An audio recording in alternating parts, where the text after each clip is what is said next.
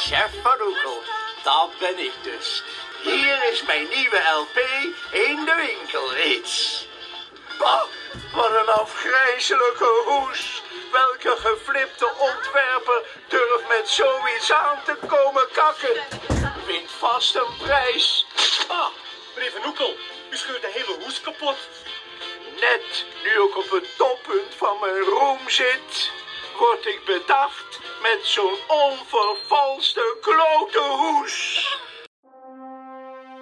Welkom bij de podcast Het Atelier van, waarin ik ateliers bezoek van kunstenaars, vormgevers, architecten, goudsmeden en fotografen. Of terugga naar het atelier van de herinnering. Mijn naam is Hester Wandel. Ik ben kunsthistorica en museologe. En ik ben geboren in een atelier. Ateliers zijn de rode draad in mijn leven, door mijn werk in musea, maar ook het kunstenaarschap van mijn moeder. Ga je mee naar het atelier van Welke geflipte ontwerper heeft dat nou ontworpen? Nou, Wim Wandel dus met uw welnemen. Welkom in het atelier van de herinnering. Wim Wandel was mijn oom, de enige broer van mijn vader naast zes zusters. Hij werd geboren in 1930 in Schoondijken in Zeeuws-Vlaanderen. Voor mij was het de oom met de studio op het Rokin in Amsterdam. Daar zette ik in 1975 mijn eerste stappen in Amsterdam. En ook heel spannende stappen. Nadat mijn ouders in 1975 waren gescheiden, ging mijn vader naar Amsterdam, maar hij had nog geen huis. Hij mocht in de studio van zijn broer verblijven, totdat hij zelf iets had gevonden.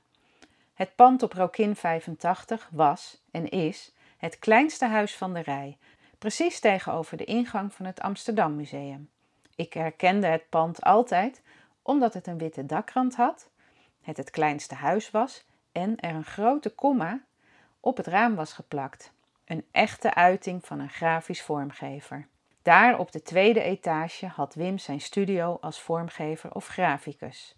Overdag als Wim aan het werk was in zijn studio, was mijn vader op zijn werk als bezigheidstherapeut in Vreugdehof, in Buitenveldert. Boven de studio was nog een soort vierde waar mijn vader sliep. Dat was ook een opslag van, van alles en nog wat. En daartussen sliepen mijn vader en mijn broer en ik als we een weekend op bezoek waren. Ik herinner me een flippenkast en misschien ook wel een jukebox. Maar het meest onder de indruk was ik van de ladder waarmee we naar boven moesten klimmen, naar de vierde. Ik vond het doodeng. De studio zelf was zwart en wit, dus heel modern in die tijd, jaren zeventig spreken we over.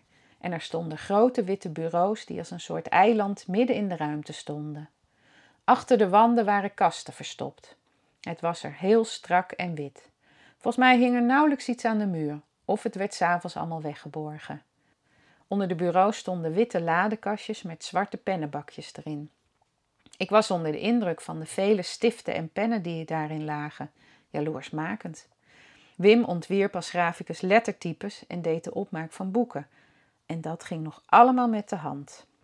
Hij was heel goed in zijn vak, won prijzen voor het best bezorgde boek en werkte met vele bekende mensen in de reclame, literaire en kunstwereld. Denk aan kunstenaars als Christo, Constant, Paul Citroen en Wim T. Schippers. Als ik vertelde dat ik Wandel van mijn achternaam heet, dan werd er meteen gevraagd of ik familie van was van Wim Wandel. En minstens twee keer werd me gevraagd: leeft hij nog? Wim had namelijk ook de reputatie van drinkenbroer. Hij kwam veelvuldig en tot in de laatste uurtjes bij kunstenaarssociëteit Arti et Amicitiae, zijn overburen aan het Rokin. In die tijd ging roem vaak gepaard met alcohol, maar bij hem was het wel een probleem. Ik herinner me als kind dat hij beloofde dat we naar het Zuiderbad zouden gaan. Daar stonden we, op hem te wachten op zaterdag of zondagochtend, maar hij kwam niet, vergeten. Na het Rokin verhuisde Wim naar een ander iconisch pand op de hoek van de Vijzelstraat en de Kerkstraat. Het staat er nog steeds en heeft een rond torentje. Ik herkende het huis altijd aan het gipsen beeld van een vrouw voor het raam. Het is te zien op een foto in het stadsarchief. Helaas is er geen foto van het pand op het Rokin waar die komma nog te zien is. We gingen een keer op bezoek bij Wim op de Vijzelstraat en hij vertelde me hoe speciaal gebakken tonijn is. Rauw was het roze rood en als je het bakte werd het wit. Dat vond hij zo bijzonder en hij wist het speciale ervan op mij over te dragen. De laatste keer dat ik er kwam was met mijn moeder. Maar wat ik me ervan herinner was een enorme zooi. Overal dozen, stapels papieren, je kon er nauwelijks zitten. Hij wees me op een tekening die Wim T. Schippers had gemaakt van het Paleis voor Volksvlijt op het Frederiksplein. Tenminste het stukje dat er nog was voordat de Nederlandse bank werd gebouwd. Ook liet hij me een tekening met een boodschap van inpakkunstenaar Christo zien, gekregen als dank voor het boek dat Wim voor hem had vormgegeven. Maar het meeste indruk op mij waren de champotjes waaruit hij wijn dronk, omdat alle glazen waren gebroken. Ik vond het zo triest en armoedig. Mijn moeder vond het wel aandoenlijk. Zij was vooral door hem gecharmeerd en vroeg later of hij een overzichtstentoonstelling van haar werk wilde openen. Dat deed hij met veel charme.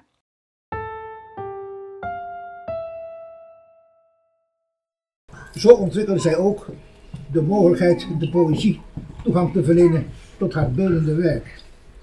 Ze haalde Holland, Roland Holst binnen, Nijhoff en bijbelteksten. De letters zijn als relief opgebracht of als uitspraking. In mijn vak noem je dat positief en diapositief. En behielden bij deze contourkritische techniek hun scherpte. Geloof me, als je dat achteraf ziet, lijkt het allemaal eenvoudiger dan het is. Op deze overzichtstentoonstelling zien we dat Miep van Riesen nog altijd wordt geboeid door dezelfde elementaire krachten aarde, lucht, water en vuur. Misschien neemt haar fascinatie zelfs nog toe. Miep, je bent nu bijna 60, maar oog in oog met jou of je werk denk ik nog altijd, dat belooft wat.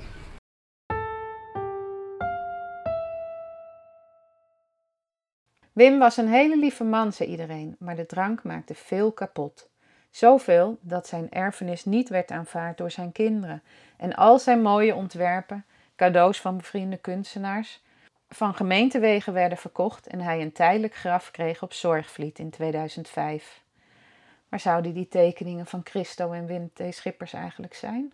Hoe is het met al de door hem vormgegeven boeken gegaan? En zijn er nog ontwerpen van de platenhoesen die hij voor Chef van Oekel maakte? Als kind had ik dus een beeld van mijn oom dat vooral wordt overschaduwd door de drank. Hij zal het zichzelf en anderen niet makkelijk hebben gemaakt. Maar als kunsthistoricus ben ik na al die jaren toch ook benieuwd wat hij allemaal maakte en hoe men over hem dacht. Over de doden niets dan goeds was het credo in onze familie. Ik vind het jammer dat je over hem zo weinig kunt vinden en ik wil hem wel wat graag wat meer eer geven. Ik ga dus op zoek naar het atelier en oeuvre van Wim Wandel.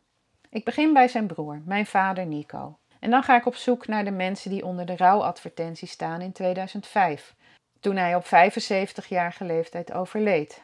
Waaronder Raymond Baan, met wie hij een atelier deelde, en Wim T. Schippers, met wie hij intensief samenwerkte.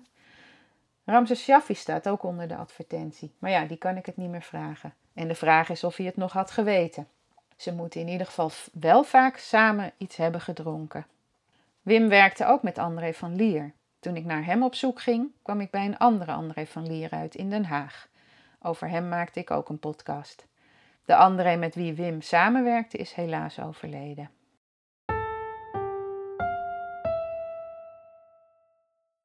Wim was je broer en die woonde in Amsterdam. Ja, En, en die jij woonde in de Bijlmer en die had zijn eh, atelier, zijn studio op het Rokin. 85. Ja. En eh, hoe kwam het dat je daar dan kon wonen? Nou, dat was illegaal. Dat mocht niet.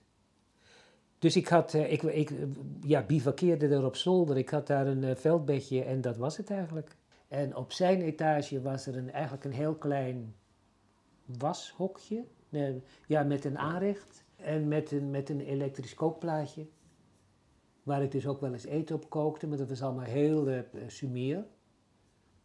En op zolder was er verder niks, dat was mijn bed. Ja, en dan sliepen wij daar ook naar bijna tussen de poten van de eh, jukebox. Nee, niet jukebox, flippenkast. Ja, precies. Maar en eh, klopt het dat, ehm, dat dat een hele ehm, zwart-witte ruimte was? Met, ik neem aan, linoleum, zwarte vloer en witte kasten? Ja, Wim die had die etage waar, zij, waar hij dus werkte samen met André van Lier. Die had hij helemaal opnieuw ingericht. Van de, van de vloer tot tot het plafond waren dat kasten. Een hele rij kasten. Wit. Alles wit. En het plafond was zwart en de vloer was zwart. En op het raam zat die grote komma geplakt. Ja. En daar herkende ik het ook altijd aan. Ja. Met- En dan in het midden was er een tekentafel. Ik geloof twee. En verder had hij ook een soort meubilair. Had hij ook zelf gemaakt. Van en hadden zij samen een studio? Eh, André werkte bij Wim. Hm. Wim had studio. Wim beschouwde eh, André als zijn assistent. En of die ook zo bij hem in dienst is gekomen toen ik daar kwam. Toen was André er al. Ja, en ik was overdag weg en zij werkte overdag. En soms 's avonds, als ze dus een opdracht hadden die, eh, nou, waar ze dus langer aan moesten werken of wer- doorwerken s'avonds, dat gebeurde. Maar ik, was ook vaak dus dat ik als ik eh, daar kwam dat er niemand was. eh, Dat ik eh, ja, het rijk alleen had, zeg maar. Ja, en daar heb je anderhalf jaar gezeten. Anderhalf jaar. Hoe was die als eh, broer? Wat voor iemand was het? Nou, ik vond het ontzettend leuk dat hij meteen zei, toen ik, toen ik dus was aangenomen in, ehm, in eh, Amsterdam en geen huis had, van kom maar op het atelier, zo lang. Dan kan je kijken of je een huis kan vinden of, eh, of wat dan ook. Weet je ook wat voor werk hij toen maakte? Was je, was je daar ook bij betrokken? Of, Nee, eh, ik was er helemaal niet bij betrokken. Hij liet wel eens wat zien waar hij mee bezig was. En volgens mij waren ze druk bezig, André en hij, met allerlei ontwerpen te maken voor Amsterdam 700. Het 700-jarig bestaan van Amsterdam. En daar hebben ze heel veel voor gedaan, qua vormgeving. Ja, want Maar- hij was in de jaren 50 was hij al heel druk bezig. Toen Ja. werkte hij, als het goed is, bij drukkerij Meijer in Wormerveer. Ja. En bij Prat. Is hij altijd blijven werken eigenlijk? Ja, hoezo? Ik was bij eh, Mirjam en die zei, ja, eigenlijk eh, gaat een kunstenaar nooit met pensioen. Die eh, gaat door tot hij erbij neervalt. Is Wim ook altijd Ja, blijven werken? ja, tot zijn dood eigenlijk. Ja, want hij deed toen Heb nog de idee- Jordaankrant. deed de Jordaankrant en misschien nog wel. Want ja, onze verhouding was een beetje losvast. Was een beetje moeizaam. Ik nodigde me wel uit om, om te komen of om een keer te komen eten. En dat, dat ging dan niet door, of hij kwam niet, of hij liet ni- niet van zich horen. Of, of hij belde op, ja, ik kom over een uur. Of, en daarna een uur belde hij op, ja, ik ben bij je in de buurt, over een half uur ben ik er. En dan kwam hij nog niet om over een half uur en dan duurde het nog langer. En dat was een patroon. Ja, en was hij dan dronken als hij kwam? Soms, Ja. ja. Maar met allerlei excuses en met cadeautjes. Van dat en heel charmant en eh, heel aardig en heel leuk. Maar op een gegeven moment het zat. En dat heeft onze verhouding eigenlijk gekleurd. En op een gegeven moment heeft hij die studio verlaten. En toen, Ja, dat was nadat ik eh, dus een kamer had gevonden. Dat moet dan in 77 moet dat geweest zijn dat ik naar, verhuisde naar de Frans Vermierenstraat. En toen hadden we niet zoveel contact meer daarna. en hij, wanneer ging hij weg daar? Op het Hij heeft nog een tijdje heeft hij een atelier gehad achter Vroom Dreesman. Oh ja, boven Akkerman heeft hij nog gewoond. Ja. De, de vulpennenwinkel. Ja, En nou ineens daar herinner ben ik ik me nog dat wel ook. geweest. Ja, ik ook. Maar dan weet ik niet hoe lang dat is geweest. En toen op een gegeven moment ging hij naar de Verselstraat. En toen heeft hij in dat hele merkwaardige huis gewoond. Ja, met een eh, toiletpot eh, met Delsblauw. Ja, precies. Je herkent het aan dat beeld van Maria of zo, wat Ja. voor het raam stond. Want hij Ja. verzamelde van die Art Nouveau gipsen beelden van Ja. vrouwen en herten En, enzovoort. en honden en herten Ja. en van alles en nog wat. Maar ehm, hij is 80 geworden, hè? Ja, is dat zo? Eh 30, 75 bedoel ik. Ja. Hij had op de ehm, Vijzelstraat twee, één of twee etages. Twee etages. Maar had hij daar ook dan nog een atelier? Ja, de keer dat ik weet, herinner ik me Ik veel ben, er ook niet, ik ben er ook niet zo vaak geweest. Het was een... eh, ik kan me niet eens herinneren dat er een bed stond. Dus waarschijnlijk is dat die etage hoger geweest. Dat zou kunnen, ja. Hij had een En of keukentje. ik daar geweest ben, dat weet ik niet. Maar, dat, zeg maar dan had hij de woonkamer en een keukentje. Ik heb toen nog ehm, eh, vloerbedekking voor hem gekocht. Van die zwarte ribfluwelen, of rib vloerbedekking. Die eh, jij ook nog hebt gehad in, je, in de studentenflat. De goedkoopste vloerbedekking De die goedkoopste er was. Ja. vloerbedekking. Want Wim had geen vloerbedekking. Ik weet niet, het was een houten vloer of zo. Of lag zeil op. Of het was ook allemaal vreselijk versleten. En toen heb ik nog eh, die vloerbedekking voor hem gekocht. Oh, Hele ja. nare vloerbedekking was dat. Want dan bleef alles opplakken. Hè? De- de- Nou ja, het was zwart, dus je zag wel alles inderdaad. ja, Maar als je één studentenkamer hebt, valt het wel mee. Maar bij hem ja. Zal het wel grijs zijn geweest? Eh, geen idee. Maar het, het trieste is dat ehm, toen hij ehm, overleed, en dat was, eh, toen was hij dus al verhuisd vanaf het ehm Vijzel- Vijzelstraat naar het West-Indisch Huis, Ja, de He- Herenmarkt woonde de. Herenmarkt. Daar ben ik nooit geweest. Daar, ik weet niet hoe lang die, lang die daar heeft gewoond. Want hij is daar, eh, eigenlijk, hij is dood aangetroffen eh, door een vriendin van hem. En dat was in, 2005. in 2005. En ik denk dat hij maar een paar maanden daar heeft, eh, heeft gewoond. Hij had met de verhuizing van de Vijzelstraat naar, eh, naar de Herenmarkt. Toen heeft hij heel veel spullen in, heeft hij in een container ter bewaring eh, gehad. Heel veel werk wat hij had gemaakt, kunstwerken die hij had gekocht, op, of op een of andere manier had, eh, had verzameld, want dat deed hij ook. Had heel veel hele mooie dingen. Dat weet ik niet precies, maar het schijnt dat hij een sleutel daarvan heeft gegeven aan een vriendin of vrienden van hem. En eh, dat, die zijn later nooit meer teruggevonden. Die spullen niet. Die spullen niet. Op een of andere manier is dat verdwenen. Dat kwam uit, want heel veel van zijn spullen die, nog, die er nog waren, die zijn op een gegeven moment, eh, die kon je als, die- toen kregen we als familie en vrienden kregen toen een uitnodiging om die te kopen, want hij had nogal wat schulden. En om die schulden te dekken, werden die spullen verkocht. Ik had toen de familie eh, daarvan op de hoogte gesteld van wanneer dat zou zijn. Een soort veiling eh, was er. Toen was André was daar ook, want die wilde heel graag een tekeningetje. Dat wist hij van, eh, van een tekening op de Hoogte Kadijk, van een, de brug die daar is. Die wilde die heel graag terugkopen. En ik kende die tekening, dat was een heel mooi. het- André kon prachtig tekenen. Maar ja, die, die, die was daar dus niet. Die zat niet meer in de verzameling van wat er dus uit het, eh, uit het huis aan de Herenmarkt is eh, gehaald. En ook Raymond Baan is daar toen geweest. Hoe heet het? Eh, zusters en zwagers en neven en nichten van mij. En ik was er ook om nog te kijken of er iets was voor nou, wat je wilde hebben, maar je moest het wel kopen. En daarna is er, toen, er waren wat spullen over en ik, zou, ik was de contactpersoon en ik zou dan te horen krijgen wanneer die volgende verkoop zou zijn. En daar heb ik nooit bericht van gekregen. Op een gegeven moment heb ik daarover opgebeld en die veiling was al geweest. Oh, wat raar, wat slordig. heel vervelend, ik vond het heel naar. En eh, ja, want hij had ooit, eh, ik had hem ooit modeltekeningen van mij gegeven. Die had hij ingelijst, ehm, hele grote eh, tekeningen, in de aluminiumlijsten. En eh, mijn naam stond daar niet onder. Dus ze wilden weten van wie die eh, tekeningen waren. Dus ik zei, die zijn van mij. En eh, die gingen dan mee naar die volgende veiling, zouden die meegaan. En die waren ook getaxeerd. Dus ik zou niet meer weten van hoeveel. Maar ik heb daar verder dus... ze zijn wat dat betreft dus heel slordig geweest. Ja. En mij daar dus helemaal niks van verteld. En ik weet niet wie daar ooit geweest is.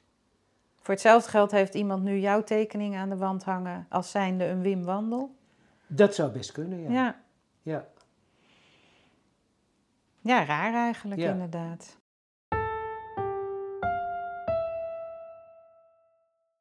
Raymond Baan sprak op de begrafenis van Wim op 15 december 2005 op Zorgvliet. En ik mag zijn speech gebruiken, want die is toen opgenomen door mijn vader. Hier hoor je heel goed wat voor een goed vormgever Wim was. Toen Wim Wandel in de vroege jaren 50 naar Amsterdam kwam, waren er veel minder auto's dan nu. En de weinigen die er waren, waren zwart. Op de wegen gedroeg men zich als heer in het verkeer. Wim heeft zelf nooit auto gereden, maar zijn voorliefde voor dat diepe zwart en zijn stijlvolle omgang met de medemens maakten hem van hem een man die ons altijd deed denken aan denken aan betere, beschaafdere tijden. Ze maakten hem niet tot een stijve ouderwetse man. Integendeel, zijn leefstijl was uitbundig, niet zelden spraakmakend. De vernieuwingen in zijn vormgeving waren vaak zo opzienbarend dat menigeen zich afvroeg of ze nog wel door de beugel konden, of ze nog wel pasten in het van traditie vervulde grafische ambacht. Maar wie zijn werk nader bekeek, zag dat Wim's vernieuwingen zich alle afspeelden binnen een klassieke lijn. Dat zij het voorafgaande respecteren, dat wandelend ambacht slechts zuiverde van belemmerende behoudzuchten. Wim Wandel slaagde daar telkens weer in, omdat hij zich op de functie van beeld- en tekstpresentatie bleef bezinnen, zonder zich door traditie te laten intimideren. Het initiatief lag en bleef bij hemzelf. Al wat hem voor ogen kwam, beoordeelde hij op de relatie tussen vorm en functie. Ik heb wel eens tegen hem gezegd dat hij, wanneer hij bij de schepping aanwezig was geweest, hoogstwaarschijnlijk het opgewezen zou hebben aangestoten met de uitroep: Nee, weet je wat we moeten doen? Voor Wim was zijn werk geen middel van bestaan, het was zijn reden van bestaan en zijn wijze van bestaan. Hij zei dat hij geen les kon geven. Dat was niet waar. Wim werkte vrijwel altijd hardop, beredeneerde duidelijk verstaanbaar elke ingreep, zodat bijstaanders gaandeweg zicht kregen op zijn vak. Dat was heel leerzaam. Daardoor kon hij ook schoonmaken. Invloeden van Wim's werk zijn weer terug te vinden in het werk van veel van zijn tijdgenoten. Toen Wim op het toppunt van zijn carrière stond, deden zich binnen de grafische vormgeving twee voorname opvattingen voor, die van een rationele doelmatigheid met een zakelijke, nagenoeg onbewogen tekstpresentatie, de school van Wim Krauwel zouden we kunnen zeggen, en die van de expressie, het refereren aan de emotionele lading van de boodschap, die we de school van Jurian Slover en Wim Wandel zouden kunnen noemen. Wim kende alle opmaakstijlen en lettertypen een gevoelswaarde toe en liet die meespelen in de presentatie van de boodschap. Ook in de dagelijkse omgang was Wim een opmerkelijke figuur.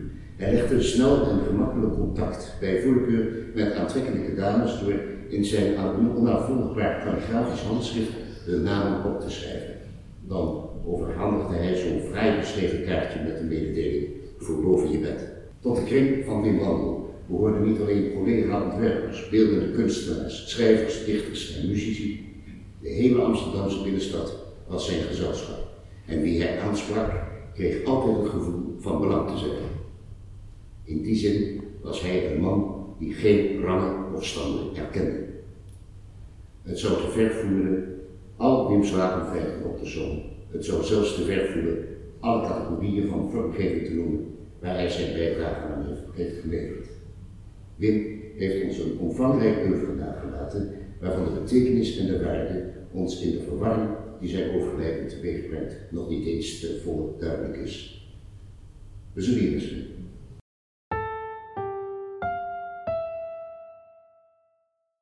hebben het nu gehad over Wim en zijn alcoholprobleem. En dat is natuurlijk heel triest. Maar hij heeft ook prachtige dingen gemaakt. En jij hebt dus hier een map. Hoe kom je eraan? Nou, die map die heb ik gekregen en daar was hij mee bezig. Want het is nog, uh, dat zijn eigenlijk werktekeningen van uh, Hans Plomp Versen, Frank Lodijzen Steendrukken, Wim Wandel Typografie.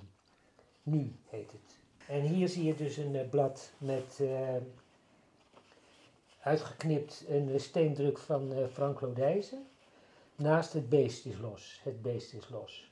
Het gedicht. En... Ik heb het nog niet gezien. En die lettertjes die hier staan, die, heeft die, uh, die zijn gedrukt, maar uitgeknipt en opgeplakt om, uh, nou ja, voor de typografie, hoe zet je dat neer? En het, uh, het is een heel ritmisch gedicht geworden precies, zo, hè? De ja. ene letter groot, of nou, woorden groot en dik gedrukt. En daar was hij dus ontzettend goed in, in die ja. typografie. En nu, en nu zie je, dus toen waren er nog geen computers dus echt met, met losse letters uh, uitgeknipt en dan schuiven en dan vastplakken en dan misschien een, uh, een foto van maken en daar dus een, uh, een afdruk van maken. Ja, dat kan nu allemaal heel makkelijk, maar dat ja. computertijdperk heeft hij niet meegemaakt. Nee. En hier zijn nog een paar tekeningen. Zou dit ook ware grootte zijn van hoe hij het... en dit Deze zijn proefdrukken? Dit is, hier is het gedrukt, een gedicht. Op grijs. En het is toch heel uh, helder, hè? En bepaalde mooi. woorden ja. vet. Ja. waarschijnlijk is dit het formaat ja. geworden ook. En dat is um, A3-formaat. Dat moet een kunst...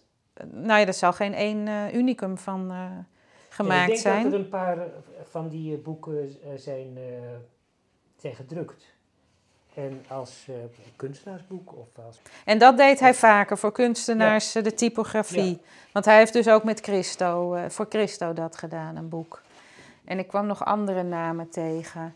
Dat zou kunnen, maar dat, dat kan ik me niet meer herinneren. Maar later is dus Taal en Teken, wat hij samen met zijn vriendin heeft opgezet. En toen maakten ze dus echt hele bijzondere boeken. Toen gingen ze naar schrijvers die een, ehm, eh, een prijs hadden gekregen. En dat was de Constantin Huygenprijs. Dus een hoge literaire prijs. En dan eh, gingen ze naar die man toe om te zeggen van nou wij willen een boek uitgeven. En dan mag je zelf, eh, eh, dan bepaal je zelf wat voor fragment of gedicht je daarin wil hebben. En dan willen we heel graag een illustratie erbij of een, en een portret van jou. En dan mag je zelf de kunstenaar uitzoeken die dat portret maakt. Of die die illustratie maakt. En ik weet dat ik bij een eh, presentatie ben geweest van een Belgische eh, schrijver. En dat werd gepresenteerd in, eh, in Antwerpen. Daar hebben we toen- Wim en ik zijn daar toen naartoe gegaan. Mijn vriend Wim en ik. En Wim en zijn vriendin Wie was dat? Ine? Ine. En toen zijn we op die presentatie geweest. En ik kan maar niet op die naam komen. Maar toen werd het boek gepresenteerd met werk van de schrijver. En, van, en met illustratie van Paul Citroen. De En, naam- dat, en dat, dat deed hij dus vaker, dat soort eh, en dat kunstenaarsboeken maken. Gedaan. Zie je, hier Ja. weer een ander gedicht. In een hele andere vormgeving.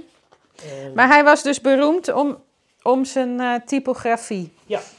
Ja. En hij heeft ook, begreep ik, ehm, logo's of, of letters gemaakt voor bedrijven. Want ik, ehm, ik was op de, op de Vijzelstraat bij een, ehm eh, hoe heet het, opticien. En die zeiden, hey Wandel, ben jij eh, eentje van Wim Wandel? Ja. Want hij heeft hier de, de typografie voor ons logo gemaakt, wat ze nog steeds gebruikten. Ja.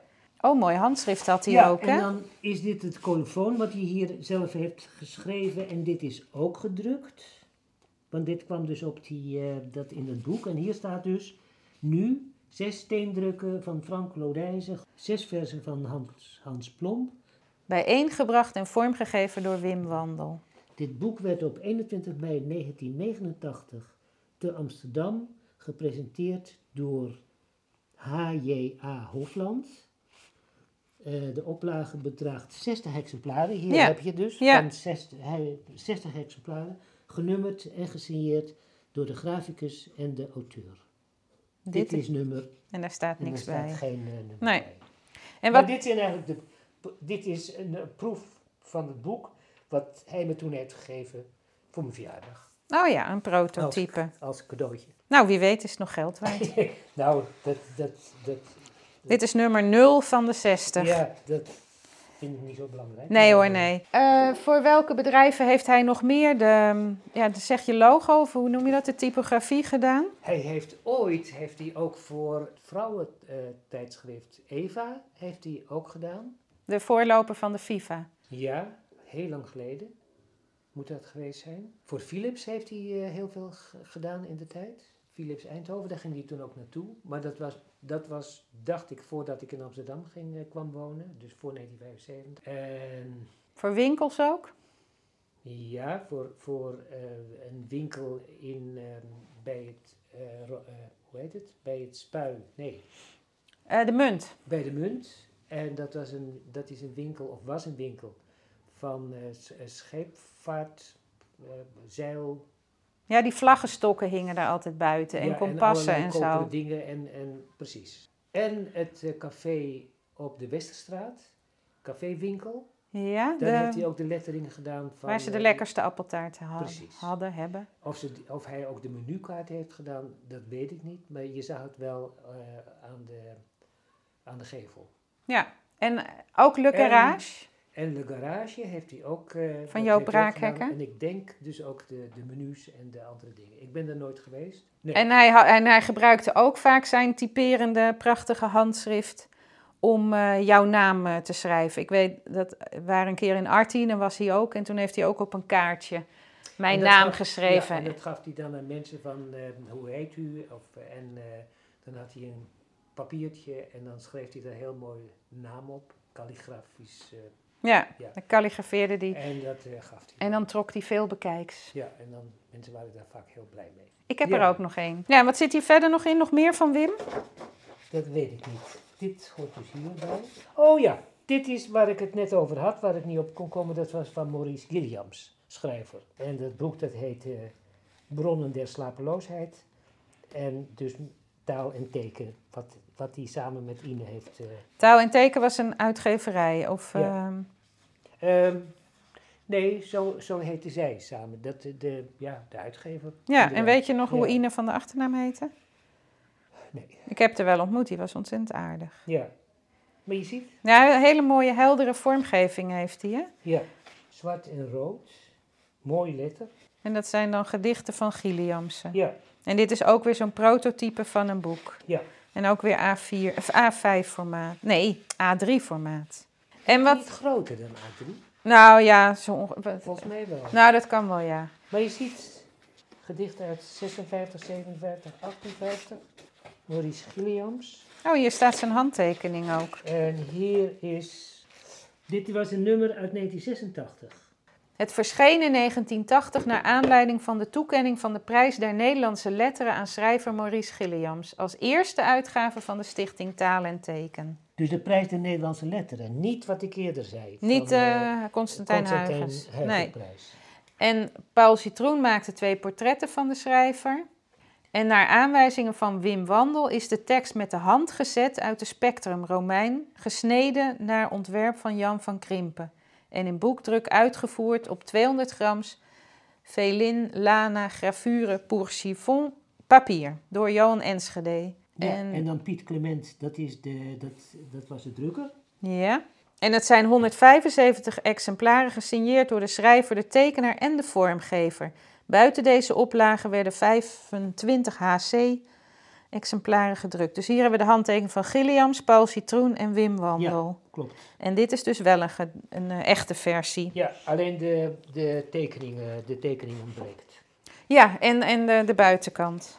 Ja. En dit is, zijn dus losse bladen die ik eh, Ja. ook zo heb gekregen van hem. Mooi. Maar dus niet het boek, maar nee. Maar heb je nog boekjes die Wim ook eh, Ja, gemaakt hier. heeft? Even kijken, hier. Dit is ook een gedichtenbundel van Ad Zuiderend, waar geen haven is. En dat heb ik gekregen. En daar, daar, waarheen geen haven is, is altijd plaats voor jou. Wim en Hans, Oh ja, 1998. 1998. Maar dit had je al gekregen. Dit komt niet uit die, ehm, uit die verkoop van... eh, Nee, nee, nee, dit heb ik gewoon gekregen. Dit is een boekje wat ze dus eh, hebben gemaakt. Ja, En dan heeft hij nog de eh, Manuel van Lochem Achterberg, dat is het toneelspel. heeft En dat heeft hij dus ook vormgegeven. Zwart-grijs. En binnenin zitten er ook nog. En daar staat een hele tekst van een Dat toneelstuk. is, ja, En nou zag ik op Facebook dat iemand vond een tekening van jou heel mooi. En die zei dat het doet me denken aan Ku- Koert Leup. En Ja. daar heb jij ook les van gehad op de daar academie. heb, ik, ja, daar heb ik lettertekenen van gehad op de academie. Lettertekenen? Ja, lettertekenen. Het belangrijkste wat ik van hem geleerd heb, dat is, je kijkt naar de vorm, maar je, kijkt, je moet nog meer kijken naar de buitenvorm. Van, je hebt die letter, maar wat gebeurt daar buiten? En dat moet in verhouding staan met, met de letter. En Ja. met de andere letters die ervoor en erna, Oh of ja. erboven en eronder komen. Hoe zit dat precies? Hoe kan je die zo schuiven bij, eh, dat dat een mooi beeld geeft? En dat het, ook, en dat het leesbaar is, Ja. maar dat het ook heel mooi is. Dat kon Wim dus ook En heel Wim goed. kon dat als de beste, want dat was ook zo leuk als je dan door de stad met hem liep, dus met mijn broer Wim. Dan zei hij, moet je daar eens kijken. Wat zie je? Nou ja, en dan valt het eigenlijk meteen op dat sommige letters gewoon te ver uit elkaar staan. Dat, dat, er, dat je iets wil lezen wat er eigenlijk niet staat, maar door, omdat het verkeerd staat. En was dat nou een puntje naar links, een puntje naar rechts of wat dan ook, als dat beter was geweest, dan was het een veel mooier beeld geweest. Hier is een boekje Tulips. En Ja. daar staat tulips en allemaal spermatozoïden eromheen. Wat is dat voor een boekje? Een eh, boekje uitgegeven door Thomas Rapp in 1966. En dat heeft hij gemaakt samen met eh, Wim van der Linden, Wim T. Schippers, Vittorio Ossefova. Maar, Maar- het is wel eh, met de hand gesigneerd ook. Het is met de hand gesigneerd. Ja. En dat, wat is het voor een soort boekje? Het gaat over tulpen, foto's van tulpen en tekst. Op, een, eh, op een kast. En hier zie je speciaal voor deze uitgave vervaardigd de tekst van Wim T. Schippers. En daar heeft Wim Wandel eh, de typografie voor gedaan. En dan zie je een aantal foto's. Het is eigenlijk dezelfde foto's van die vaas met tulpen. Alleen één foto zie je dat er een blad valt van een van de tulpen. Er werden 500 genummerde exemplaren gemaakt en dit is nummer 204. Nog een andere vraag. Wim woonde, of, hij had zijn atelier op eh, Rokin 85. En daar woonde ook voor hem in de oorlog Max Beckman. Ja. Waren daar nog sporen van te zien? Wist Nee. daar Wim daar iets van? Ja, ja, ja, dat wist hij. Ja. En eh, aan het Rokin waren meerdere eh, ateliers, omdat eh, daar, voordat Max Beckman daarin kwam, was het een tabaksdrogerij.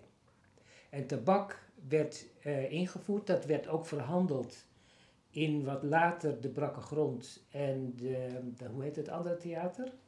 Frascati. Frascati. Eh, daar, werden, daar werden tabak verhandeld. En daar waren dus ook drogerijen van tabak. En dat moest dus ook in een ruimte zijn met, eh, waar geen zonlicht naar binnen kwam. Dus met het, eh, met het licht op het, eh, of tenminste het glas op het noorden. Oh ja. En dat waren dus natuurlijk ideale ruimtes voor kunstenaars om daar ook te werken. Ja. Dus Max Beckman die heeft daar zo geschilderd op de zolder waar jij nog geslapen hebt en waar ik dus gebivakkeerd heb. Ja. Maar, Anderhalf jaar. en er is een plaquette beneden staat er dus dat Max Beckman daar gedurende een aantal jaren heeft gewoond. Ja, ik geloof wel tien. Maar Ja. dan moet eigenlijk nog een plaquette ehm, eh, bij van hier heeft eh, Wim Wandel, graficus, eh, gewerkt tussen 19... Ik zou niet weten wanneer die daar gekomen is. Nee. En ook niet precies de datum dat hij daar toen weggegaan is. Nee. Nou ja, nou zal niemand hem kennen, maar misschien door deze podcast dat ze dan nu wel een beeld hebben van eh, wat een Nee, graficus ik- doet. Ik hoop het, ja.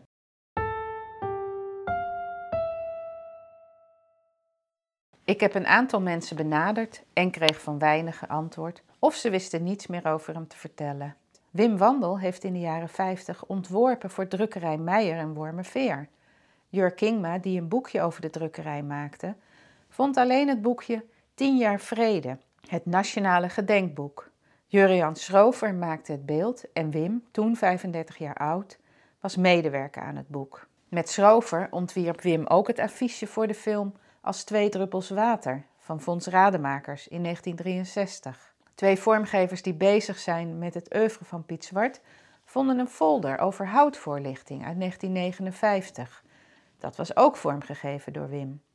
En een vriendin kwam aan met een boek waarvoor hij de kaft had gemaakt. En beetje bij beetje vond ik wel wat online. De platen van Chef van Oekel waren door Wim Wandel en Wim T. Schippers gemaakt. Zou het me lukken om hem te spreken te krijgen? Ja hoor, geen probleem. We spraken af in café Scheltema op de Nieuwezijds Voorburgwal, omdat het daar overdag lekker rustig is. Nou, mooi niet toen wij er waren. Ook de ober tetterde er vrolijk op los en rammelde met de kopjes.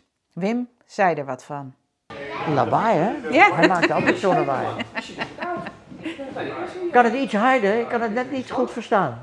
Hallo? Kunt u iets... Ja, ja. Jawel, nee, maar ik vraag het ook wel heel beleefd, toch? Kan je niet hebben? Je moet de gezelligheid van het café maar voor lief nemen. Het past wel bij het verhaal van Wim Wandel. Maar ik heb nog een boek en dingen en allemaal, eh, allemaal dingen die ik samen met hem gemaakt. Ja. Of die ik alleen heb gemaakt, maar wel op zijn atelier. Oh ja, want daar wil ik het wel over hebben. Nou, ik weet, ik weet niet meer hoe ik hem eigenlijk tegen ben gekomen ooit. Want het is zo raar. Ik was op de eh, leerling op de kunstnijverheidsschool. Ja, want daar heeft hij ook gezeten, maar hij is 12 jaar ouder. Hij heeft toch niet op de kunstnijverheidsschool Ja, ja. gezeten? Maar welke dan? In Amsterdam? Ja, weet ik, maar, maar welke... Nou, ik Welke- weet niet beter dat dat het voorganger is van de Maar dat Rietveld. heeft hij me nooit verteld dan kennelijk. Oh. ik vind het zo raar. Maar hij is, hij is uit de grafische 1930, school. hè? De grafische school misschien. Ja, in de stuk, wat ik kan vinden, Oh. staat kunstnijverheidsschool uit les van Oh. Kopier. En eh, van Oh, ja, Rietveld. Ja, dat heet nu Rietveld, maar dat heet Nee, en hij had, dacht ook les van Rietveld. Kan dat? Oh, van Rietveld? Ja. ja. Oh ja, een zoon van Rietveld geloof ik. Kan. Oh ja. Maar zouden jullie elkaar in Artie of zo zijn hebben tegen? zijn tegengekomen? Nou, toen was ik nog geen lid van IT, wel van de kring was ik al. Wim was in ieder geval lid van Arti en hij zat op, de, op het Rokin. In ieder geval. Ja, nee, nee, nee, maar ik ben begonnen hè. Ja? in de Regis Dwarsstraat, boven die kappertje, boven die kapper. Dat was heel klein, dat was vier, vijf hoog. Ja? Zo'n smal trappetje naar boven, en naar boven. En on, weet, weet je dat niet? Nee, dat weet ik dus niet. Daar heeft hij heel lang gezeten en daar is ook uh, Thomas Rap met de Rap-uitgeverijen begonnen. Oh. Die gaf hier ruimte. Oh. Heel, en dat was echt, nou dit was een stukje, nou hier van die deur tot de dingen waar zij zitten. Zo'n zo kleine ruimte was die grote tekentafel. Ja? En daar was eigenlijk een kacheltje en daar, vlak, daar vlakbij was uitgeverij. Ik begon Thomas op uitgeverij Tom, daar mocht hij zitten. Oh. En ja. En Wim zat daar in zijn eentje? Die of? zat daar, ja, en ik zat er ook vaak. Want, eh, nou, zo grappig, maar uh, Tom Rapp, zijn eerste boek is ook, was ook over uh, tulips. Ja. nou, dat, ja. dat was van Tom Rapp, dat is daar Inderdaad, ook. Ja. dat is het. Ik heb het niet bij me, maar... Dat hebben we samen gemaakt. Ja, want ik heb... ja. Ik had mijn en vader had een het. tekst geschreven daarvoor, want het was eigenlijk een boek na de film in plaats van andersom. Hè? Ja, want ik heb even een kopietje gemaakt omdat het boekje bij mijn vader ligt. Maar hier staat inderdaad. Uh, ze heten allemaal Wim, hè? Wim van der Linden, Wim T. Schippers, Oh. Wim Wandel, Ja. Willem de Zeeuw. Iedereen heeft zijn handtekening. Ja, ik heb er nog, is heel veel waard ineens, ook zo raar. Hè? Dat, Die cultuur is, daar moet ik nog steeds aan wennen. Uh, ik heb heel veel van hem geleerd en hij zei altijd dat hij zoveel van mij had geleerd. Hm. Dat vond ik erg, en dat meende hij echt. Want hij was heel sterk aan echt regels, hè? hoe het Ja. moet. Hij, echt, en, en dat vind ik ook heel, heel leuk, maar hij vond het zo leuk om mij in de war. Uh, want ik bedoel, mijn theorie is altijd, of theorie, maar ik, ik, ik, zeg nog wel eens, ik hou mensen wel eens voor, dat een hoop wat voor vakmanschappen doorgaat, is dat mensen zich aan regels houden zonder zich afvragen of die regels eigenlijk nog gelden. Toen ik met televisie begon, er waren bepaalde shots niet mochten. Of een opeenvolging, je mocht nooit van een, van een groot close-up naar een totaal, er moesten altijd een paar dingen tussen. En waarom? En deed je het alle en anders. expres. Ja. En ook fouten erin maken en dat is zo leuk. Maar ik bedoel, ik kon het ook. Ik maakte, ik maakte wel fouten, maar die, die werden wel uitgezonden omdat ik die fouten zo leuk vond. Ja. Maar ik, had dus wel, ik zat op de grafische afdeling. Ja. Uh, onderbouw had je eerst gehad, dan mocht je alle dingen doen. Wist je al vroeg dat je graficus wilde worden? Nee, ik was gevlucht uit huis en ik dacht, ik, kan, ik, eh, ik, ik kon aardig tekenen. En ik, ik wou van school weg, want ik had het zo naar thuis. Ik had liefst natuurkunde gestudeerd, had ik ook wel gekund. Oh, vandaar die wetenschap. Maar ik heb me echt laten blijven zitten en weet ik wat allemaal. Ik denk, dan ga ik later haal ik wat staatsdiploma, maar ik moet weg ik in Bussen was. Ik heb mijn opvoeding genoten, voor zover je daar dan van kan spreken. Dus ik had het vreselijk. Maar goed, dat is een ander verhaal. Ja. Dat is een beetje uitgebreid. Want het moet over Wim Wandel gaan. Ja. Ik heb ook getekend daar, bij de galerij. Ja, ja, van het voor ik, ik heb de galerij zien afbreken. Ja, en Wim had een tekening van je. Van de galerij, ja. En er is één keer eentje op de Waterloopplein terechtgekomen. Ja? Had ik aan een meisje gegeven. En die, uiteindelijk, en die heeft de cameraman weer gekocht. En heel raar, van de galerij in ingang. Oh, maar ja, ik- ja. Ja, Wim liet het toen zien en ook van, heet die, Christo had hij dingen gekregen. Oh, wij hebben, eh, eh, wij hebben samen eh, voor, voor, voor de Amsterdam die affiches en, Ja. de, en de catalogus gemaakt. Maar dat, ja, hij was wel heel trots op, dat, eh, op die tekening die je gemaakt had van de galerij, van het Paleis van Waar zou die Volksvrijheid. gebleven zijn? Ja, kijk, hij woonde toen nog op de... Hij is ook nog op de Rokin geweest, op twee adressen. Ja, Twee- nee, want de Rokin ken ik, want in Twee 1950... adressen. En dan verhuisde hij later naar verderop, waar nu een restaurant is. En daar was die eh, eh, souvenirwinkel of zoiets. Hij was eerst dichter bij, bij, Even bij, bij de bij, bij eh, Wilhelmina. die kruising. Ja, bij, Ja, ja. Dus, En dat eh, was dat Nee, kleinste maar daarvoor huisje? zat hij een klein, eh, eh, meer vooraan. Ook op de... Ook, Oh nee, dat weet ik ook al ja. niet. Ja. En er was een parkeerterrein van auto's voor de... Maar op Rokin 85 was het kleinste huisje van het Rokin. En daar had hij die komma op het raam. Ja, je ja, kon ja. daar precies rechtdoor naar het Ja, Amsterdamse Historisch eigenlijk op de zolder was het. Ja, dus het ja, was- En je kon ja. aparte ingang, gewoon zo naar boven. Is nog eens een keer heel lelijk verbouwd. Maar, hij- en nog, er was ook nog een vliering en daar sliep hij wel eens op. Daar hebben jullie vaak gewerkt. ook. Ja, maar in de, in de Re- in de Regis Dwarsstraat helemaal. Dat was in 19... Want ik ben toen van school gegaan. En op een of andere manier leerde ik... Ik zat ook verder in Scheltema. En in andere, en keizer. Ja, vooral keizer zou het in het begin zijn. Die was altijd op de route ook. Keizer op de bij het concertgebouw. Daar zaten heel vaak drinken. En, ook- dus je kent, en dan kan ook journalisten wel en eh, eh, kunst, kunstmensen. Daar zou je mij wel leren kennen. Maar ik heb ergens, maar in ieder geval, eh, ik, had, ik had geen geld. Maar ik kreeg wel de lol in om wat te maken, maar ik, ik bezocht wel een beetje wat werk. Ik heb nog baantjes gehad ook. Maar hij liet me ook allemaal de, eh, ehm, titels tekenen eh, voor, voor de FIFA werkte hij ook. Oh ja. We hadden eerst de EVA, later FIFA. Voor de- Ik weet niet. En dan moest ik ook wel eens aan de trein brengen. Vroeger zei je dat met de trein brengen. Bij de post, had je een postafdeling. Ja. En was altijd te laat net mee en dan moest er in Leiden gedrukt worden. En dan bracht ik het. uit. Ik tekende heel vaak koppen. Maar eh, toen ik televisie ging maken, ook titels, een heleboel samen met hem gemaakt. Ho- Hoop alleen ook. In een hele rare stijl. En die kan je nog zien. Piet Schreuders heeft die weer allemaal verwerkt in, eh, in die cd's allemaal, met boekjes erbij. Ja, ik heb Piet Schreuders een keer via Twitter gevraagd of hij Wim Wandel kende, maar we kennen hem niet. Nee, nee. Ik vroeg het ook aan, ehm, hoe heet die, Barend Servet? Nee, ja. die, die wist het ook niet, maar die heeft Nee. waarschijnlijk niet met hem samengewerkt. Nee. Want Wim deed, ehm, Oh nee, Wim niet. Nee, die wist het niet. Ik, ik ging gewoon naar de televisie. Ja. En ik vond die titels altijd zo lelijk. Dat ging ik zelf maken. Oh was- ja, Ze maakten een titel, had een grafische afdeling. Die titels maakte, maar die ik niet mooi. Dat gaan we zelf maken. Dat was ook eh, bijzonder. En dat deed je dan Maar ook en- op de toen, studio eh, van Wim. Toen, eh, toen, wij, toen, in die tijd, in 67 was dat toen al? Ja. Ja, 66 Christo, 67 Eldorado. Ja, maar daarvoor echt vanaf 62 of zo, jarenlang Ja. ben ik bij. Maar, maar ik deed ook allemaal eh, wegbrengen, dingen wegbrengen. En eh, overleggen met die eh fotocentrums en weet ik wat. Leuk, En dan ja. had hij vaak schulden of zoiets, weet je wel. En dan liet hij het mij dan eh, brengen of halen, want dan is hij bang dat hij... ja, ah. Ik weet nog goed dat ik in duizend schulden kwijt was. Jij. Was hij kwijt, hij? Oh, Had hij ergens van gekregen, en betaald gekregen. Ik kon het nergens meer vinden. Ik ben helemaal paniekeren. Ja, dus toch, eh, hij was toch helemaal freelance. ja, want hij deed met eh André... Hij deed die, die krant ook weer, die eh eh, zakenkrant, of die intermediair. Ja, Die had hij ook allemaal en, en dat deed hij heel goed. en hij had met eh, André van Lier Design Partners. Oh ja, oh heb je die plaat van Willem Ja. Ja, dat was zo mooi. Moet je kijken. Dit heb ik er helemaal bijgemaakt, die tekeningen. Ah ja. En, en al die fouten, want het zetsel kwam binnen. Maar is dit worden. nou zo gedrukt of is dit... Dit is zo gedrukt. Oh, ik Met dacht... al die fouten erin. Nee, we kregen het. Ja? Veel te laat, echt wel. Het was allemaal krap om te halen, maar die moest gedrukt en die plaat moest uitkomen en ik wat allemaal.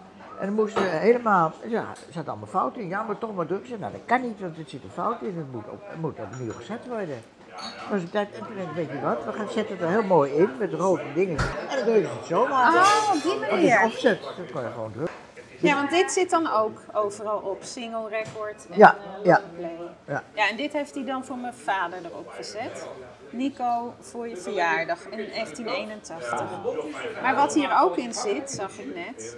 Kijk, ik maakte zulke tekeningen ook gewoon, weet je, een beetje illustratieve tekeningen. Kijk, de foto die hierop staat, zit hier ook in. Maar dat zat niet bij alles erin, denk ik. En wie zijn dit? Dat weet ik niet. Hè?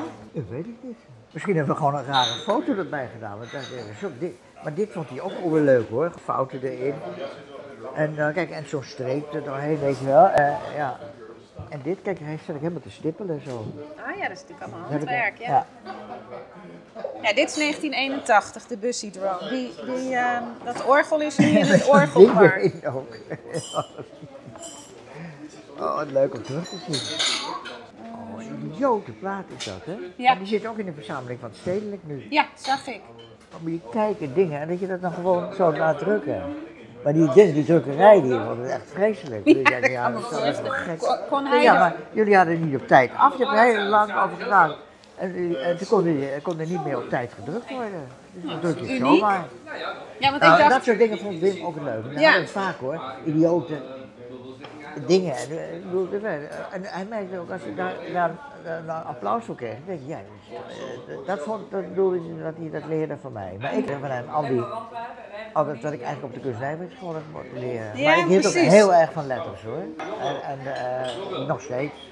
Ik kijk altijd naar eh, hoe iets beletterd is. En, en- ja, dat, hou je- dat leer je nooit meer. Ik heb hier de drie LP's van eh, Chef van Oekel. Ja. Waar, ehm, Die maakten we echt samen. Er zaten gewoon Ja. allebei onze namen op. Hè? eh, Die maak, hebben we ook wel als apart. coverdesign Wim Wandel.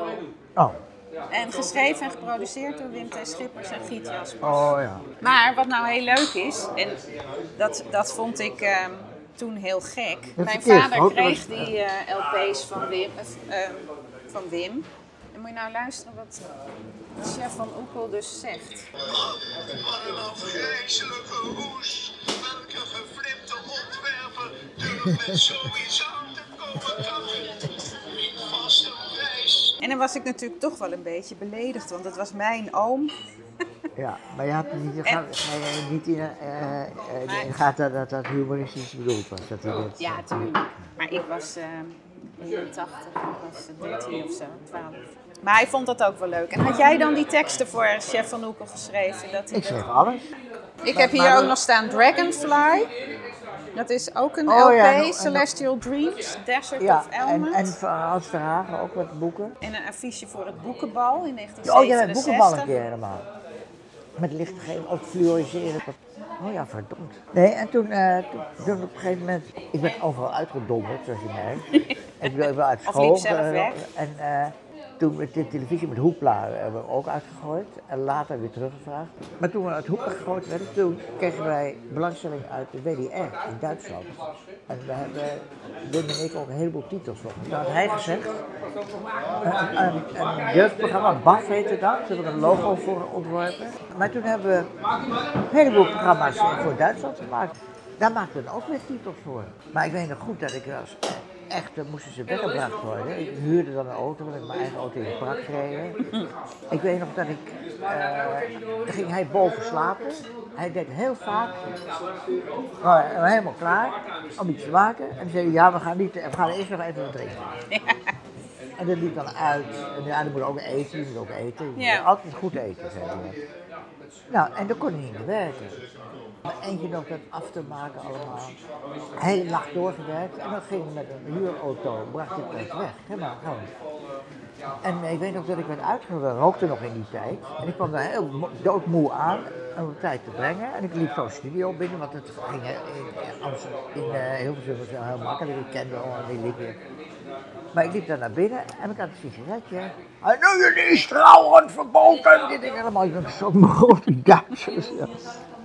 Dat heb ik ook nooit vergeten. Dan reed je helemaal naar Duitsland. Ja. Brak en al. Bij Keulen. Zo. Of in Keulen, weet je. Heel goed. Ja. Alleen hij kon niet op tijd leveren. En dat heeft ook een beetje met drank te maken natuurlijk. Maar ja, Ja. of ook, ja maar die, dat kwam ook weer omdat hij niet op tijd van aflevering niet drinkt, kan je ook zeggen. Wat zeg je nou? Dat hij ging drinken omdat hij het niet op tijd Ja, ja, ja. Ze verdriet, Ik zat verdriet. toch in die stem. Ik heb ook veel gedronken, maar ik zag het er wel altijd. Rick de Gooi die komt komen stenakel dan en ik kwam hier volgende ochtend gewoon fris op de zet spelen. Ja. Dat moet.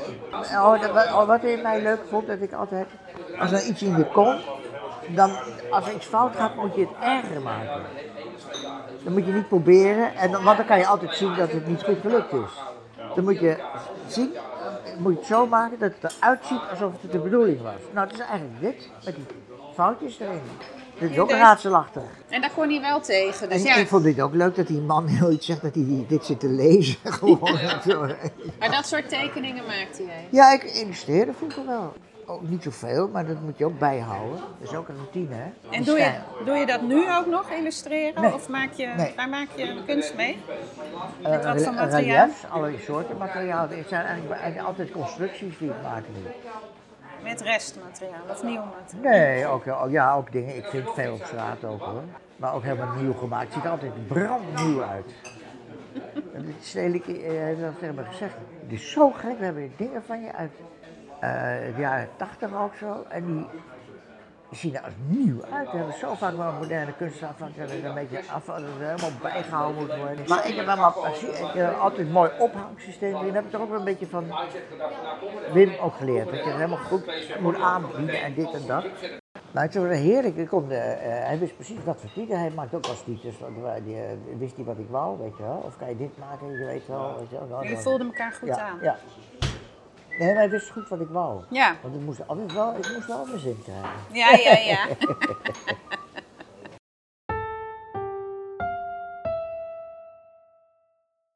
Nou, ik zit in de keuken bij Janna Loontjes en daar eh, mag ik komen om over Wim te praten. En hoe kom ik daar nu weer? Ik ehm, kwam op Google, was ik natuurlijk Wim aan het zoeken. En dan kom ik een boek tegen en daar staat in, en ook Wim, een drankorgel. Maar je moet toegeven, hij was een getalenteerd ontwerper. En dan denk ik, wie is die, wie, wie- hoe kan dit en wie is Janna? Nou, dat ga ik nu vragen. Hallo Janna, dank dat ik bij jou op bezoek mag zijn. En dit is jouw boek, Wie weet, dat heb je uitgegeven in 2018 hè? Eh, ja, volgens mij wel. eh, Ja, ik vergeet die data altijd. Ja, je hebt, je hebt al eh 10, 12 boeken ja, uitgegeven. precies. Er stond een bladzijde op Google en zo kwam ik erachter. Ja, toen dacht ik, nou dan moet ik wel even weten hoe jij Wim nou kent. Zijn hele naam staat erin, hè? Wim Wandel. En Carmichelt wordt erin genoemd. Maar Carmichelt was met mij aan de bar blijven zitten. Met mij en Wim Wandel. Nou ja, goed, dat gaat nog even door. Dat is een beschrijving van het café eh, dat Kerk heette. Dat was de grap van, hè? Waar, waar is je man? Hij is naar de kerk.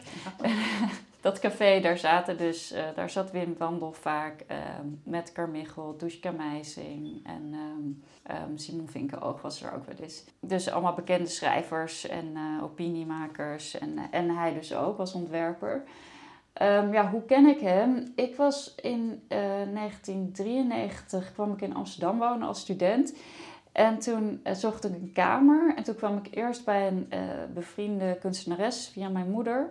Eh, mocht ik eigenlijk in haar huis wonen. Maar goed, ze had eigenlijk niet een extra kamer. Dus ik logeerde toen gewoon bij haar. En dat was Mirapi. En Mirapi is ook schrijfster. En zij, en beeldend kunstenaar, zij kende Wim. En zij heeft mij toen meegenomen naar Wim. En eh, ja, toen kon ik gelijk de volgende dag eh, bij hem intrekken. Ehm, ja, dat was eigenlijk de enige kamer die ook een beetje netjes was. Er was eh, waar je überhaupt in kon, zeg maar, zonder spullen te Op de verschuiven. Vijzelstraat. Op de Vijzelstraat, precies. Ja. Het was een prachtig pand, Vijzelstraat 111. En hij had daar eigenlijk drie verdiepingen. Oh, drie zelfs. Ja, ja, ja, ja, want hij woonde dan op de, ik weet niet, de tweede verdieping. Je ging eerst zo'n hele steile trap op, voorbij twee verdiepingen die een andere ingang hadden. Dan ging je zijn woning in. Daarboven zat een verdieping met zijn slaapkamer en dus mijn kamer. Ik had dus een grote kamer die uitkeek op de Vijzelstraat met ook het hoekerkertje. Ah. Ja, Had jij dat beeld voor het raam? Die Maria? Het nee, nee, nee. Die, die, die Maria die stond bij hem in de huiskamer. Ah, Ja, en daarboven had hij dus nog een gigantische zolder. Wat eigenlijk ja, ook gewoon zo groot was als een appartement. En heel hoog ook. was een schitterende zolder en nog een dakterras erbovenop. Maar het stond dus helemaal vol met spullen. Ehm, Wim die kon niks wegdoen. Hij kon nog geen krant wegdoen. oh jee. Dus stapels kranten lagen overal. En hij was ook een soort verzamelaar. Hij, hij nam ook van alles altijd mee van de straat. Ook een keer, weet je wel. Want dan kwam ik binnen en lag bijna, kon je bijna de trap niet meer op. Omdat er een enorme rol tapijt over de trap heen lag, opgerold. Ja, die rol die was je dan op straat, had hij zien liggen. Dacht hij, ja, maar misschien kan ik dat nog wel gebruiken. dat sleepte hij dan helemaal mee. Dat is echt typisch Wim Ja, heel erg grappig ook. En ook vrij onmogelijk. misschien Ehm, zijn Zeeuwse zuinigheid. Ja, het zou kunnen, ja, zou kunnen. Maar je weet maar nooit wat je er nog mee kan. Ah, hij vroeg me altijd wel van, nou, kun je niet helpen, meehelpen? Dan gaan we wat sorteren. Nou, dus ik, ik deed dat dan. Dan vroeg ik, nou, dus laten we beginnen bij die kranten. Die hoef je niet allemaal te bewaren. En dan per stuk ging hij er doorheen. Nee, nee, dit wil ik misschien nog, toch nog wel eens lezen. maar goed, zo kwam ik dus eh, als student bij hem te wonen. En ik raakte eigenlijk min of meer met hem bevriend. Het maakte eigenlijk niet uit wat voor leeftijd je had. Hè? Want het was ook niet zo dat er een soort vader-dochter situatie ontstond. Hij was helemaal niet vaderlijk. Hij was meer, ja, we waren gewoon echt gelijk. En ik weet ook nog wel dat de eerste dag toen ik daar aankwam en, en mijn kamer wat ging opruimen, toen was ik nog wat verlegen. En toen zei hij tegen mij, ja, en, en niet zo opgeprikt, hè? Dus hij wilde wel, je moest wel meteen gewoon ontspannen en open. En, ehm, maar ja, heel gastvrij ook, hè? Oh, heel erg gastvrij. Ook, eh, al mijn vrienden mochten hem enorm. En sommigen bleven ook bij hem slapen. Hè, op de bank. Of, je kon daar altijd terecht. Het was echt eh, ja, bijzonder gastvrij. Eh, ja, het was ook alsof ik dus eigenlijk in een soort studentenhuis woonde. Alleen was hij dan, eh, ik weet niet hoeveel ouder, 40 jaar ouder of zo. Eh, hij was dan in de 60 toen ik daar woonde. Ja, hij is 44 jaar ouder volgens mij. Ja. Ja, en soms kwam ik ook thuis en dan, dan ehm, ging ik koken. En we, we aten dus meestal samen. Dus inderdaad, als in zo'n studentenhuis. En ehm, als hij er dan niet was, dan zat hij meestal in kerk, in het café. En dan liep ik altijd even naar buiten, want kerk zat dus een aantal, aantal de- deuren verderop in de Vijzelstraat. En de barman wist al dat ik dan voor Wim kwam. En al als ik door het raam keek, wenkte hij naar mij hè, van hij zit achterin of nee, hij is hier niet. Dus ik voelde me af en toe een beetje de moeder bijna van deze man. Ja. Maar goed. Maar toen ik mijn boek Wie weet ging schrijven, dat gaat ook over de protestmars na de aanslag op Charlie Hebdo. En die ging door de Vijzelstraat. En ik schrijf dat verhaal vanuit negen verschillende perspectieven. En toen dacht ik ineens, het is ook heel mooi als er iemand vanuit een woning uitkijkt op die protestmars. En zo kwam ik erbij om die woning eigenlijk te gebruiken. En toen heb ik eigenlijk Wim Wandel min of meer als personage opgevoerd in het boek. Ik noem hem Bertrand. Wel anders hoor, met een andere familie. En, maar toch, er zitten wel heel veel eigenschappen van hem in Bertrand. En, Ja, ik, ik zag het net. Ik las nog even op internet dus nog steeds dat Mhm. stukje. En toen ging ik iets hoger kijken, want er staan gewoon een paar bladzijden. En toen denk ik, Bertrand staat hier wel. Maar dit lijkt wel het huis van Wim. Dus Ja. eh, ik herkende het wel in je beschrijving. Ja, ja, en de meeste mensen die, ook mijn vrienden die hem hebben gekend, die herkennen het ook. Maar omdat ik hem dus niet naar hem had vernoemd, dacht ik, nou, ik wil toch wel een, een verwijzing echt naar hem. Dus toen, dan laat ik hem dus als personage ook nog over Wim, de echte Wim Wandel spreken. dus zo zit er een soort gelaagdheid in van dat het naar Wim Wandel eh, eh, Ja. verwijst, op hem, of op hem gebaseerd is, ja. De getalenteerde kroegloper. Eh, de getalenteerde ontwerper in de kroeg. Ook een heel getalenteerde kroeg. Ja, dat is waar. Zeker. Ja, bij Kerk. Maar er ligt hier nog iets. Hij heeft ook een boekje voor jou ontworpen. Ja. Een gedichtenbundel. Ja, mijn eerste dichtbundel ehm, is dus, eh, heet Spectroscoop. En ik had toen ik bij hem woonde en nog, ja, toen schreef ik ook al wel gedichten hoor, maar ik dacht nog helemaal niet dat ik echt schrijver zou worden. Toen eh, zei hij altijd van, nou, ik ga jouw eerste boekje ontwerpen. En dat idee dat bleef. En toen ik dus, ja, het was al bijna tien jaar nadat ik bij hem had gewoond. We, bleven contact houden. We bleven gewoon af en toe afspreken. En dan gingen we een biertje drinken en dan praten we bij. En het was altijd heel erg leuk. Hij bleef ook maar zeggen van, kom, laten we dat boekje maken. En eh, hij was bevriend, bevriend met Wim Simons van de Beuk. En toen had hij met hem gesproken en mijn werk laten lezen. En zo kwam het boek er. En ik heb dus ook een gedicht toen voor hem geschreven, wat ik erin heb opgenomen. Oh, dat is mooi. Het Ja. is trouwens een ehm, knalroze, wat is dit? Of Eh, paars, paars, of cyaan of zo, of hoe noem je het? Ja, ik weet het niet. Ja. boekje met eh, een beetje, toch nog wel jaren zestig. eh. Totaal jaren 60 ontwerp. Ja. Zeker, zeker. Het is ook echt helemaal Wim Wandel-stijl. En er staat voor Wim Wandel. Wil jij het gedicht voordragen? Het heet De Ontwerper. Uit zijn gebaren groeien kastelen waarop de wereld rust. Wapperend met zijn handen, allemaal onzin, het kan me niet schelen, worden zij ook weer uitgewist. Daar wandelt hij en zonder stil te staan verspreidt hij plattegronden, rood en gelaagd als ideeën voor morgen, die op de groene zee van ijver een nieuw begin uitmonden. Daar waar melancholie nog zin, nog zwaartekracht heeft, waar tussen wensen en grappen de melkweg zich spant en de ragfijne draden waaraan zijn aardbol hangt, zo wijds en blauw zijn dat al het stof eraan kleeft, dat buiten vandaag en gisteren zweeft. Mooi. Dank je. Dat, dat had jij dus willen voordragen op zijn eh, overlijden. Ja, dat had ik hem beloofd. Hij zei, als ik, als ik dood ga, dan moet je dat op mijn begrafenis voorlezen. Maar dat kwam er dus niet van, omdat hij eh, ehm, ja, overleed en ik dat pas een paar weken later hoorde. Wel heel pijnlijk. Nou, dan heb je dat nu alsnog postuum voor hem gedaan. Inderdaad, dat is wel erg mooi. Ja, Ja. ja, ja. ja. Nou, dankjewel. Door de gesprekken die ik voerde en wat ik online heb gevonden, heb ik het oeuvre van Wim Wandel bij elkaar gesprokkeld. De verdwenen stukken van de veiling van zijn nalatenschap zijn nog niet boven water. Maar wel heb ik ontdekt dat hij dus is begonnen op de reguliers Dwarsstraat nummer 91 en dat uitgever Thomas Rapp bij hem is gestart. Het pand staat er nog. Het kappertje is weg. Er zit nu een tattoo shop. Beetje bij beetje heb ik het atelier van de herinnering van Wim Wandel in beeld gebracht. Wie weet vind ik nog meer. Dat was weer een fijn bezoek in het atelier. Krijg je er ook zo'n zin van om zelf aan het werk te gaan? Of ben je nieuwsgierig naar hoe het er bij een ander uitziet? Luister dan naar de volgende podcast, waarin ik weer bij een heel andere kunstenaar op bezoek ga. Denk je nu, kom ook eens bij mij langs? Of je moet toch eens echt bij die en die gaan kijken? Laat het me dan weten in de comment van deze podcast. Of via de mail hetateliervan.gmail.com Of volg me op Instagram via @hetateliervan. En vergeet je niet te abonneren op deze podcast, dan mis je nooit meer een uitzending. Tot de volgende keer.